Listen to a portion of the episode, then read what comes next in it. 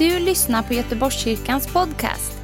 Vi vill att den ska hjälpa dig och uppmuntra dig där du är i vardagen.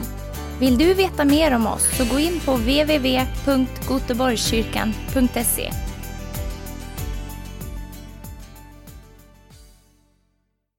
Så gott att få träffas här på pingstdagen och prisa Gud. Både gamla och nya sånger. Jag eh, älskar ju pingst av väldigt många eh, anledningar, men framför allt att man har så mycket upplevelser med den heliga ande. Och eh, för den som inte växer upp i kyrkan eller som inte känner till så mycket om pingst så är det den högtiden som de flesta svenskar har noll koll på. Det är ju lite speciellt. Och då har ju vi tillfälle att ge dem koll på det. Och du som följer oss här nu och, och, och, kanske bara är med för första gången och hör någonting, du kommer få höra om den heliga ande mycket. Eh, och det är ju så, Gud han är en, men han är eh, fader, son och helig ande. Och eh, när vi har läst här i Romarbrevet så står det väldigt mycket i början om Gud som Fadern. Första tre kapitlen handlar mycket om det. Sen i kapitel 4 och kapitel 5 så är det Gud, Jesus Kristus. Och sen i kapitel 6, 7, 8 är det mycket om den heliga ande. Och speciellt de här verserna nu som vi har idag är mycket om den heliga ande. Och jag tänkte det här det får bli tio eh, väldigt korta distinkta punkter om den heliga ande. Är ni redo? Ja, tackar alla tolv för detta, men jag vet att många mer sa någonting där. Eh, för jag tror att den heliga ande vill att vi ska vara redo, vill att vi ska vara öppna för honom och längta efter honom. Och Jesus själv lär oss att eh, be.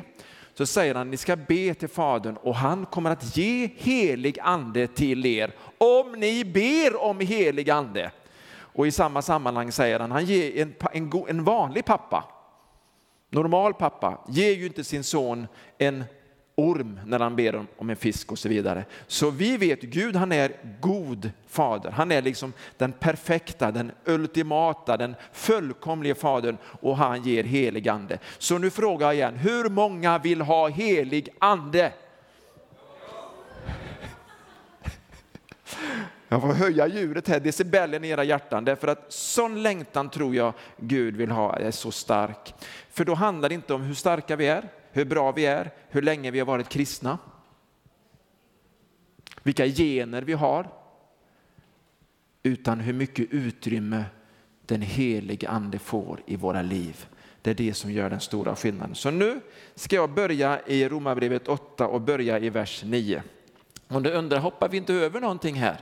Jo, men det gjorde vi tack vare Frank.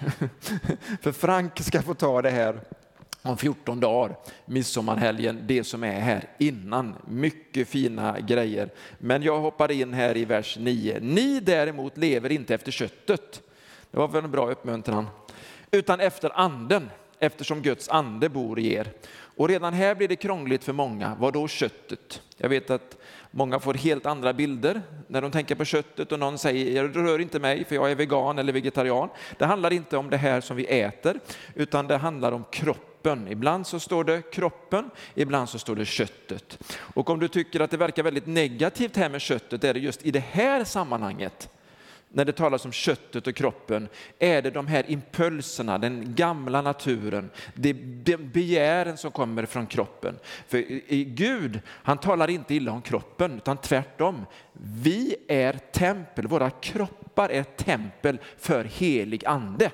Så ni förstår att Gud vill också att vi, ska, den här, att vi ska må bra, att vi ska äta sunt, motionera, må bra i kroppen. Men det finns någonting som är större och det är att leva ett liv i gudsfruktan. För det har sin lön både här i livet och i den kommande tidsåldern. Men vi ska också ta hand om kroppen. Och lite senare så märker vi att den helige ande också är med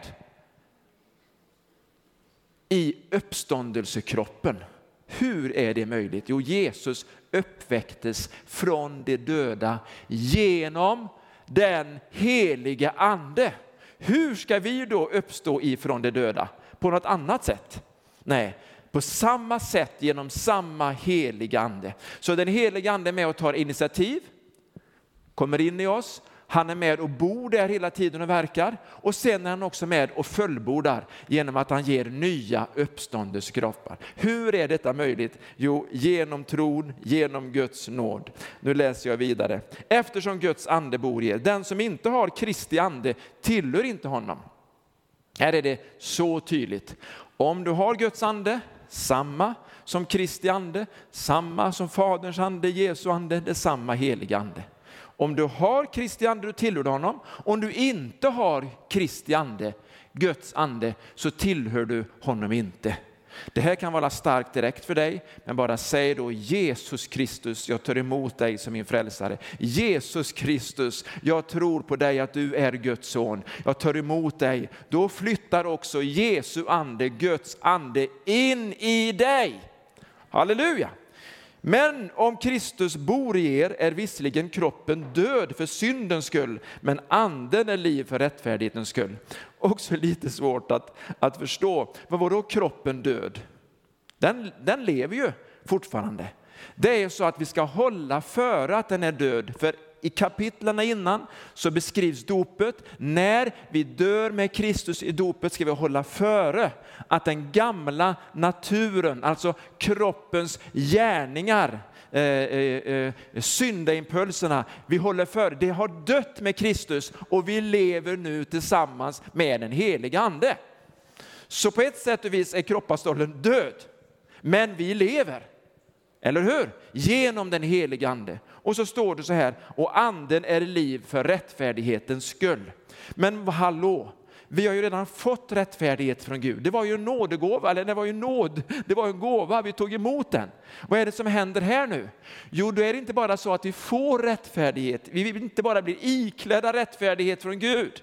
Den heliga ande bringar fram också ett rättfärdigt beteende, rättfärdigt liv. Men det börjar inte med att vi bara blir rättfärdiga i våra gärningar. Det börjar med att vi får rättfärdigheten från Gud. Hans ande kommer in i oss och så kommer den här frukten, det här livet, den här rättfärdigheten. När vi blir födda på nytt så får vi en ny smak. Vi vill göra det som är Guds vilja. Vi får ett nytt tänk. Vi vill behaga Gud. Innan vi var födda på nytt, när vi lever i den gamla naturen, vill vi bara göra det vi känner för. Men när vi blir födda på nytt så vill vi göra det Gud känner för. Så därför så eh, är jag riktigt född på nytt. Ja, eh, om du är född på nytt så kommer Guds ande att vilja ge dig den här nya smaken, den här nya lusten. Det var det jag inte förstod innan jag var 19 år. Jag tänkte jag kan aldrig bli frälst. Jag kan aldrig leva det livet. Jag kan aldrig, det, det går inte. Men jag kände jag måste ändå omvända mig. Jag måste ändå få syndernas förlåtelse. Men jag visste inte att jag kunde bli född på nytt, bli förvandlad och vilja höra Guds ord, vilja be, vilja gå till kyrkan. Jag som bara liksom, det var någonting som jag verkligen undvek. Men så bara, jag vill bara vara där, där Guds ande verkar. Jag vill vara med människor som är fyllda av Guds ande. Jag vill höra Guds ord. Jag fick en sån längtan, en sån törst. Så en av de svåraste sakerna för mig, det var när man sa Christian, nu ska du läsa Johannes evangelium ett kapitel om dagen. Det är ungefär som att säga till en utsvulten, nu får du bara äta en korvbit om dagen, inget mer. Eller en brödbit om dagen, inget mer. Alltså jag vill ju läsa hur mycket som helst. Alltså kan man få en sån längtan? Ja, det får man genom den heliga ande. När man är född på nytt, då längtar man efter att Gud ska tala gemenskap med Gud. För då har ju Guds ande kommit in i oss och då gensvarar det med Gud hela tiden. Innan det så är det ganska så dött. Man kanske försöker vara lite religiös, försöker bättra sig, försöker se lite mer from ut, men det händer inte så mycket mer. Men om hans ande som uppväckte Jesus från de döda bor i er, då skall han som uppväckte Kristus från de döda göra också era dödliga kroppar levande genom sin ande som bor i er. Det var väl ändå härligt? Jag tänker på det bibelordet nästan varje dag. Ni vet, jag är ju numera en stel gubbe. En gång, det är många som inte vet det, men en gång i tiden var jag, var jag ganska så ostel, vig. Ja, sviktrekordet på gymnasiet, står sig säkert inte nu för det är så länge sedan, men det kan man ju knappt tro, eller hur? Men jag tänker som helig ande bor i mig. Han gör den dödliga kroppen levande. Alltså det måste ju göra en skillnad. Har ni märkt att det blir lite mer skött i er när ni blir fyllda av helig ande? Eller är det bara jag? Ja, ni kanske aldrig har testat. Men det händer någonting också med våra kroppar, med våra sinnen, därför att den heliga ande påverkar oss inifrån och ut. Så jag frågar igen, längtar du efter mer av helig ande? Eller säger ja, men jag kanske inte så mycket så att det påverkar mitt liv. Du ska ha så mycket så du blir så påverkad att du gör det som behagar honom varje dag. Amen. Så står det vidare, vi har alltså skyldigheter. Det gillar inte vi. Vi har alltså skyldigheter bröder, men inte mot vår onda natur så att vi ska leva efter köttet. Nu kopplas det ihop, kroppen, köttet, den onda naturen. Det är för att förklara för oss att det här hör ihop. Men kroppen i sig är inte ond. Köttet, alltså det här materiella, är ju inte ont. Men den fallna naturen, när människan var olydig, när syndagiftet kom in, då blev det någonting som, som vi inte bara kämpar emot, utan det måste dö, vi måste dö ifrån det. Alltså den gamla naturen kan vi inte tämja, den ska dö. Vi kan inte styra upp den, jag liksom skärper till mig. Den ska dö. Hur kan den dö? Lyssna vidare. Om ni lever efter köttet kommer ni att dö, men om ni genom anden dödar kroppens gärningar skall ni leva. Ty alla som drivs av Guds ande är Guds söner. Alltså genom den heliga ande så dödas den här onda naturen, de här impulserna, det här begäret, de där frestelserna, de kommer av sig i sin linda genom den heliga ande. Så vad är det vi behöver? Vi behöver mer. Ja, amen. Och den heliga ande behöver mer av oss. För det är det det handlar om. Han bor i oss, men vi ger oss också till honom, hans inflytande i våra liv. Han blir våran ledare. Vers 14, alla som drivs av Guds ande är Guds söner. Om den helige ande är din coach, han är din ledare, han är den som bestämmer i ditt liv. Han är den som får påverka dina beslut. Han är den som påverkar din smak, dina tankar, dina ord, dina handlingar. Då är det den helige ande som blir din ledare. Då är det samma som att Jesus är Herre. Det är när den helige ande är våran coach och ledare. Kan vi få någon bättre ledare? Ja, du kanske tänker ut då nu, nej men det finns ju ingen. Han bor inom oss 24-7. Det är pingst, vi kan vara glada, vi tänker oj, oj, oj, är det så? Det funkar inte i mitt liv. Ja, men då är det dags att det börjar funka i ditt liv. Det kan jag aldrig, det går inte för, för mig för jag har gjort så mycket. Ja, men tack vare att du har gjort så mycket så vet du att du bara behöver tro att Jesu Kristi verk, livets andes lag, fungerar också för dig. Gud ljuger inte, han talar sanning. Han uppmuntrar oss att inte bara ta emot heligande, tala lite i tungor en gång, utan leva tillsammans med den heligande. Bli fylld hela tiden. Förnyad hela tiden. En ständig ström. Jesus sa om anden, ur hans inre ska det flyta fram strömmar av levande vatten. Johannes 7. Hur är det här möjligt? Genom att vi är beroende. Saliga är de fattiga anden, de tillhör himmelriket. Alltså de som är beroende, de som är svaga, de som behöver. De som inte, jag fixar det, jag klarar det. Jag vet hur man fixar det kristna livet. Jag har varit med förr. Jag kan den här religionen nu. Alltså då kommer du förmodligen att komma på fall. Men om du säger jag behöver dig heligande, jag behöver dig Gud, jag behöver dig 24-7, jag erkänner min svaghet, jag är liten, jag är svag, du är stark i mig. Halleluja! Nu undrar ni vem jag predikar för? Vet ni vem jag predikar för? Jag predikar för mig och dig. Och för dig också. Därför att det här är någonting vi behöver påminna oss hela tiden. Ni har inte fått slaveriets ande. Så att ni på nytt skulle leva i fruktan när ni har fått barnaskapens ande i vilken vi ropar Abba fader. Man frågar troende människor i kyrkan som växer upp med budskapet om de fruktar för döden. Alldeles för många säger ja, jättemycket. En del tänker på det här varje dag. En del tänker på det några gånger i veckan. Och man är orolig, man är rädd.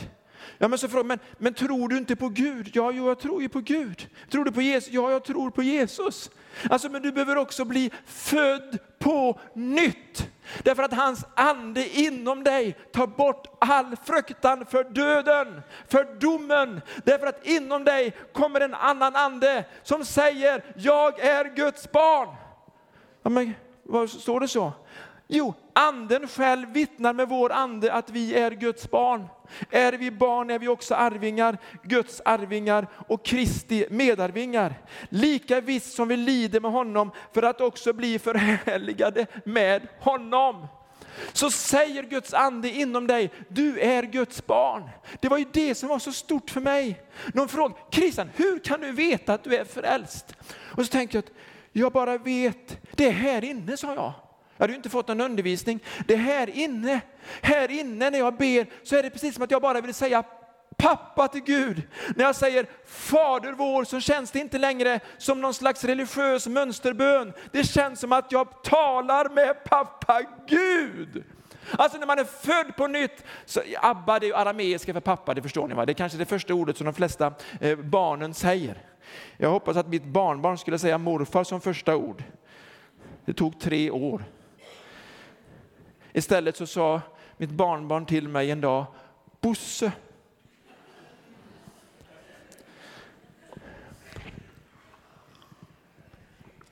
Inte riktigt vad man hoppas på, förlåt alla ni som heter Bosse. Men då försöker man ju träna om barnet, för man tänker att barnet kanske inte riktigt förstår att jag är liksom inte Bosse. Alltså det är en annan farbror som heter eh, eh, eh Bosse som var där och hjälpte till ibland. Jag är din morfar. Så skrattar han så här, Bosse säger han då. Men nu så säger han morfar. Halleluja. Alltså det är viktigt vad vi säger, hur vi närmar oss vår far i himlen. Jag säger inte tjänare Gud eller tjänare farsan. Jag säger pappa. Jag säger far. Jag säger helgat var ditt namn. Jag säger du är stor och du är väldig. Men du är pappa Gud.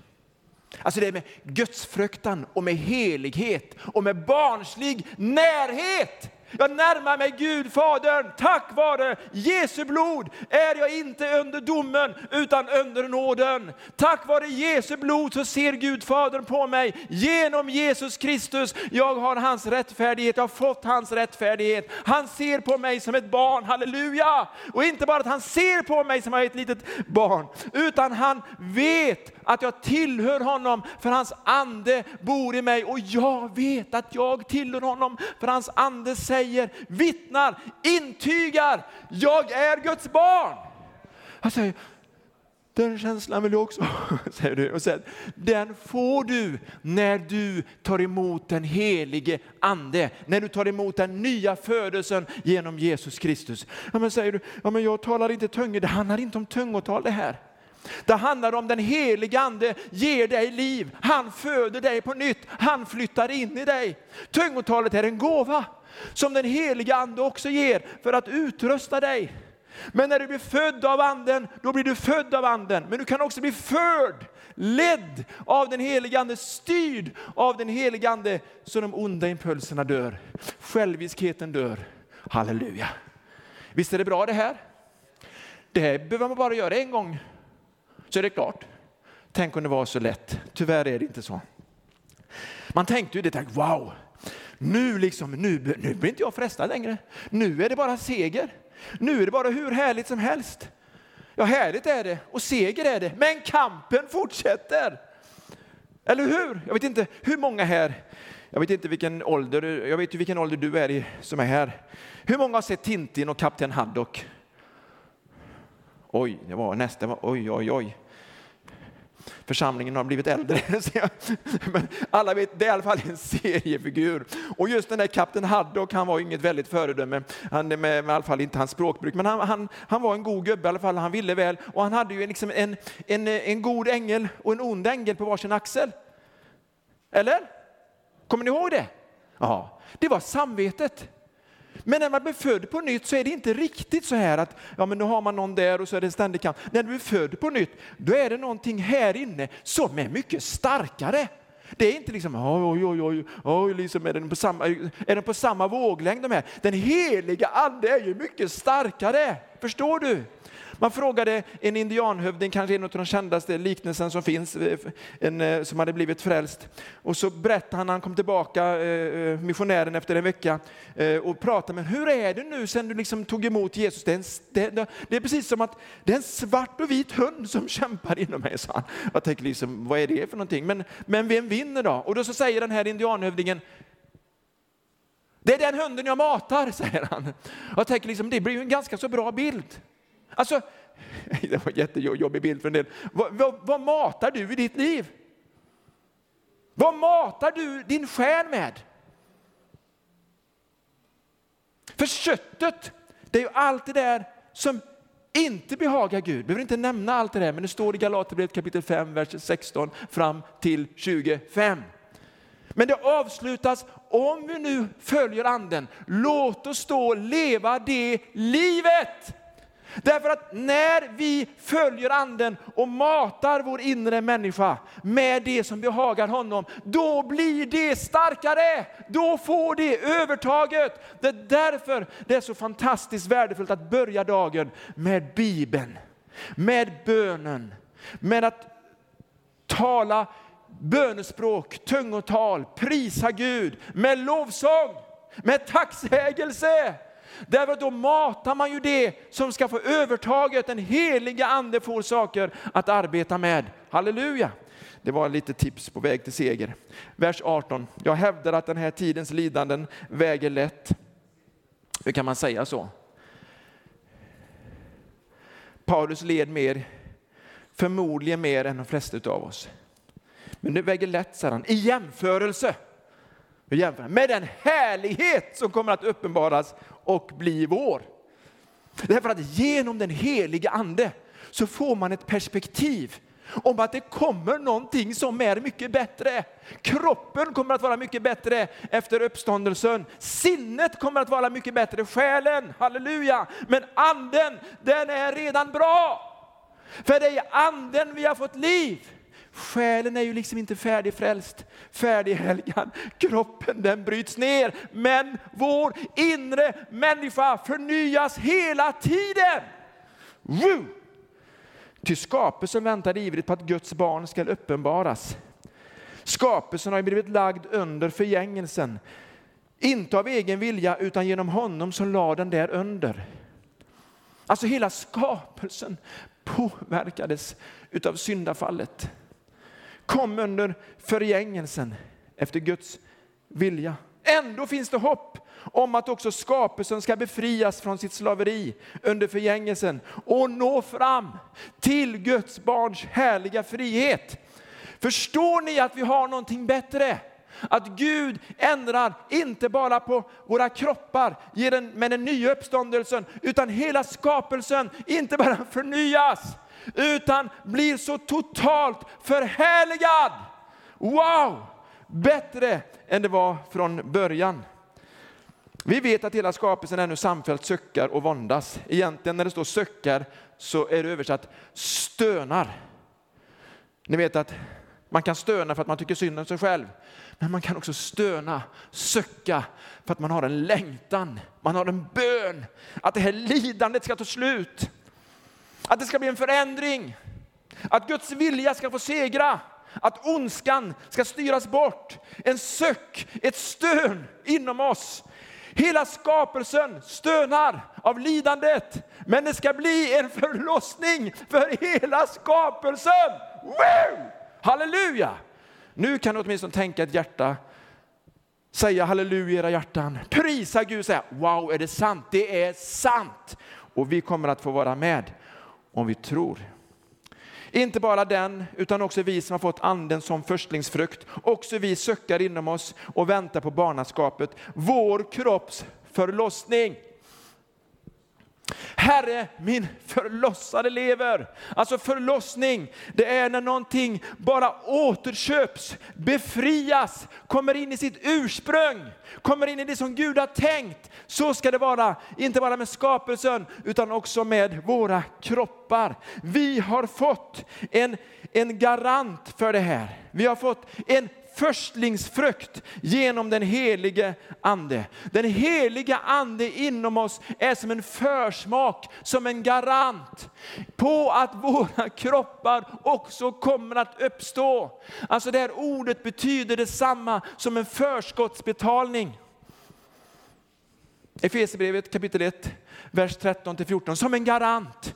Alltså en, en försmak av himlen. Jag undrar, någon undrar, Christian hur blir det i himlen? Jag säger, har du varit fylld av den heliga anden någon gång? Ja, var det underbart? Ja, det var himlen, eller hur? Ja, himmelriket börjar redan här med rättfärdighet, frid och glädje i den heliga ande.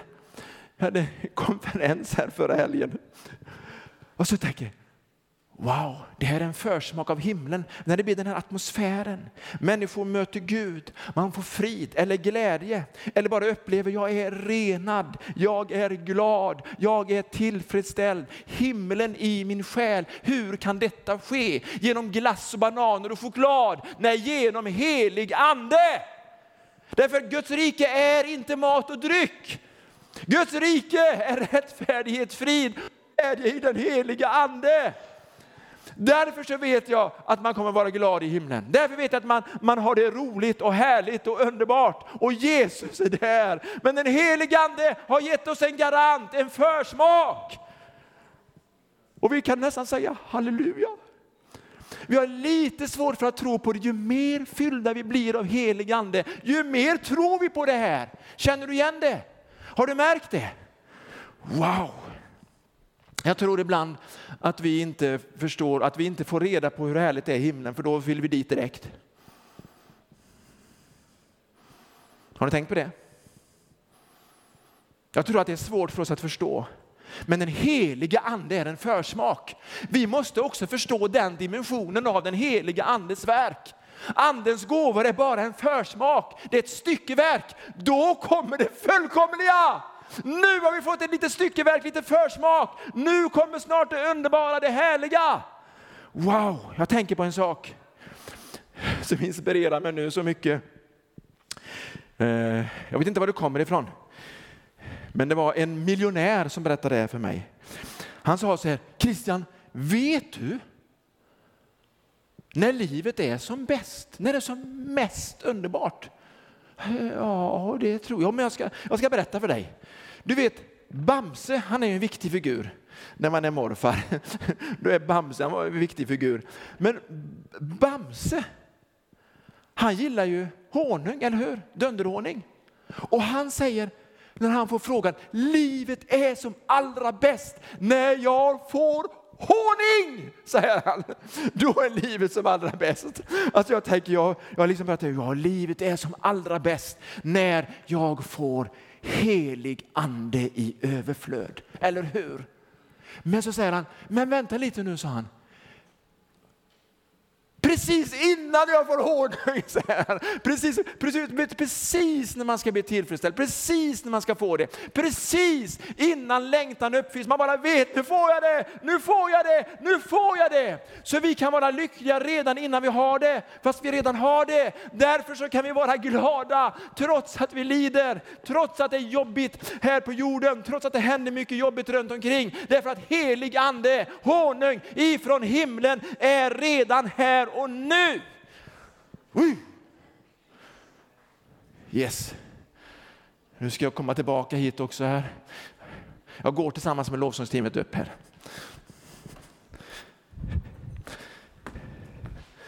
Och så gör han våra kroppar levande genom den helige ande.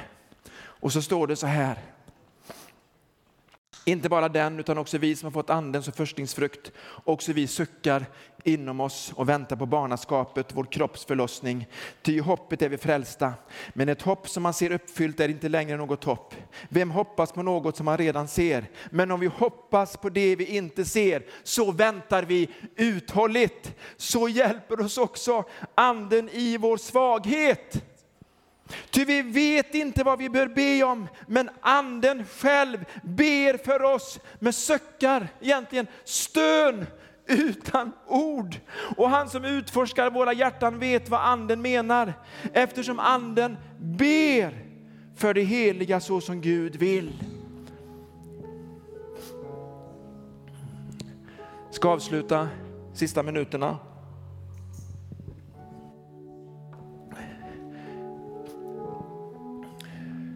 Men någonting som jag tror att vi har missat många gånger som kristna. Någonting som jag har talat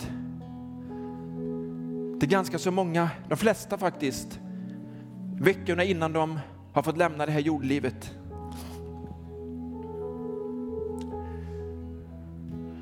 De har kämpat, känt sig så svaga och sagt till mig Christian, jag orkar ju inte ens be. Jag bara ligger här och suckar.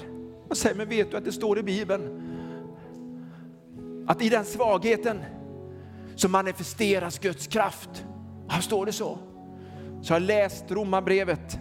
Jag har läst hur den helige ande är där och ber igenom dem. Så söka då till Gud. Ja men det är ju inga ord, ja men det står ju här att Gud hör de söckarna, de stönen, därför att du vill, därför att han utforskar ditt hjärta och så ber den helige Ande igenom dig som han vill.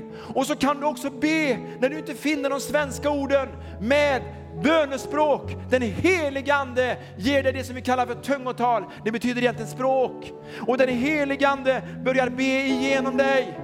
Inte att du bara öppnar munnen och så är det någon som pratar igenom dig, utan han inspirerar din tunga och du talar ut de där orden. Och säger, kan det betyda någonting? Det gör en jättestor skillnad. Det kan skilja mellan liv och död. Jag har berättat det förut, uppmuntrar mig så mycket. När min mormor berättade för mig, hon sa inte så många bönesvar, vittnade inte så mycket, men hon fanns alltid där. Men Christian sa hon, en gång så sa hon, så väckte Gud mig mitt i natten och jag bara kände en sån nöd för din morfar. Det är många år sedan. Och jag bara bad och jag bad och jag bad. Och sen så släppte den här och så kunde hon somna igen. Tänkte hon inte på det. Men när morfar kommer hem så berättar han vad som har hänt. Att han vaknar mitt i natten ute på båten och det är efter andra världskriget och det är mycket, mycket minor som är ute som han hade vakt för att vakta minorna. För om minorna kommer på båten, detonerar de, smäller sönder hela båten och de flesta dör direkt eller drunknar. Morfar han vaknar och säger, vem har vakten? Jag måste kolla, De kanske, det, det kanske inte är någon som har vakten. Han går ut och kollar, det är ingen som har vakten. Och så ser han då genom liksom att en liten lampa lyser, en lanterna lyser och så ser han att en mina är på väg mot båten. Han tar tag i en båtshake, lyckas knuffa undan den minan utan att komma på en detonator. När han kommer hem och berättar och mormor säger att då väckte Gud mig och bad. Då förstår man att det finns ett samband med att den heliga ande vet vad som behövs. Men att vi också ska vara mer tillgängliga och osjälviska och be mer i anden, stöna mer, tala ut tungotalet och inte bara be när vi har egna behov. Jag har inga inga behov, jag kommer inte till bönen idag. Eller jag är lite trött, jag ber inte idag. Be ändå om du så bara orkar. Stöna i gemenskap med den heliga Ande. Jag tror aldrig att du har hört en sån stönig predikan någon gång, men den här är väldigt bra, den här stöniga predikan. Därför att när du stönar med den heliga Ande, vädjar för de heliga och är osjälvisk i ditt hjärta, så kommer Gud att ge bönesvar. Ja, men betyder det någonting? Allt det här tungotalet. Så många gånger har varit med om det, Jag var så trött, jag var så slut. Och jag bara ber ändå för alla människor som kommer fram till förbön. Och så är det en missionär, hon är upprörd. Hon säger Christian, vet du vad du håller på med? Och jag tänkte säga liksom, förlåt, liksom, men kanske jag slarvar i mitt, min bön. Jag kanske bara liksom, du vet man talar i tungor och det kan kännas som att man bara slarvar. Det kändes inte speciellt meningsfullt. Christian, säger du ber på swahili. Och även om du hade kunnat swahili så kan du inte det här, för det här är på en mycket ful dialekt. Och du säger när du ber för den mannen, se till detta lilla barn som söker sin far. Det säger du i din bön på ful accent swahili. Och jag blev helt förkrossad. För jag kände inte så mycket. Jag bara talade i tungor och nästan kände jag kanske slarva lite. Alltså i svagheten kommer Guds ande och ger dig ord. Frågan är om vi är tillgängliga, om vi vill be eller om vi bara vill känna kraften, gåshuden, vara med när det känns bra och härligt eller om vi är till förfogande 24-7. De som leds av Guds ande, de är Guds söner. Den heliga ande vädjar för det heliga efter Guds vilja. Halleluja! Nu står vi upp och så prisar vi Gud tillsammans med lovsångarna. Och när du gör det och kopplar på så vädjar jag till dig av hela mitt hjärta att pröva det här. Ja, men det har jag gjort många gånger Christian. Det var inte det jag sa. Jag säger pröva det här i tro. Att den heliga ande får ta över och bli ledare i ditt liv. Det är för många som har lagt av, för många som har gett upp, för många som har stannat kvar i köttet. Det är inte bra. Det är ingen god frukt. Men om du går vidare tillsammans med den helige Ande så blir det god frukt. Vill du ha god frukt? Umgås med den helige Ande och följ den helige Ande och var inte så stolt att du tycker att du redan är framme. Jag kan det. Jag har gjort det här. Ödmjuka dig istället och säg Gud, jag fattar inte allt, men du vet allt. Och du som har stått emot tungotal, det här är inte abrakadabra, det här är inte blaha blaha. Det här är den heliga Ande som ber för de heliga så som Gud vill. Det är den heliga Ande som prisar honom för hans välja gärningar. Det kan förändra inte bara ditt liv, den inre uppbyggelsen, det kan rädda liv och få människor att må bra, att söka Herren, att komma igenom. Så vi behöver fortsätta med det här. Halleluja! Den stöniga predikan är slut, men stönet fortsätter med oss alla i den helige Ande när vi stönar fram vår längtan, vår bön tillsammans med Gud. I Jesu namn.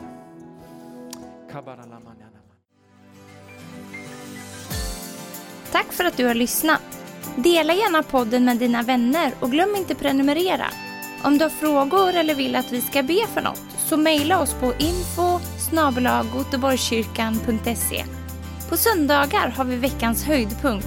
Då firar vi gudstjänst tillsammans och det vore så kul att träffa dig där. Men vi har även samlingar för barn då?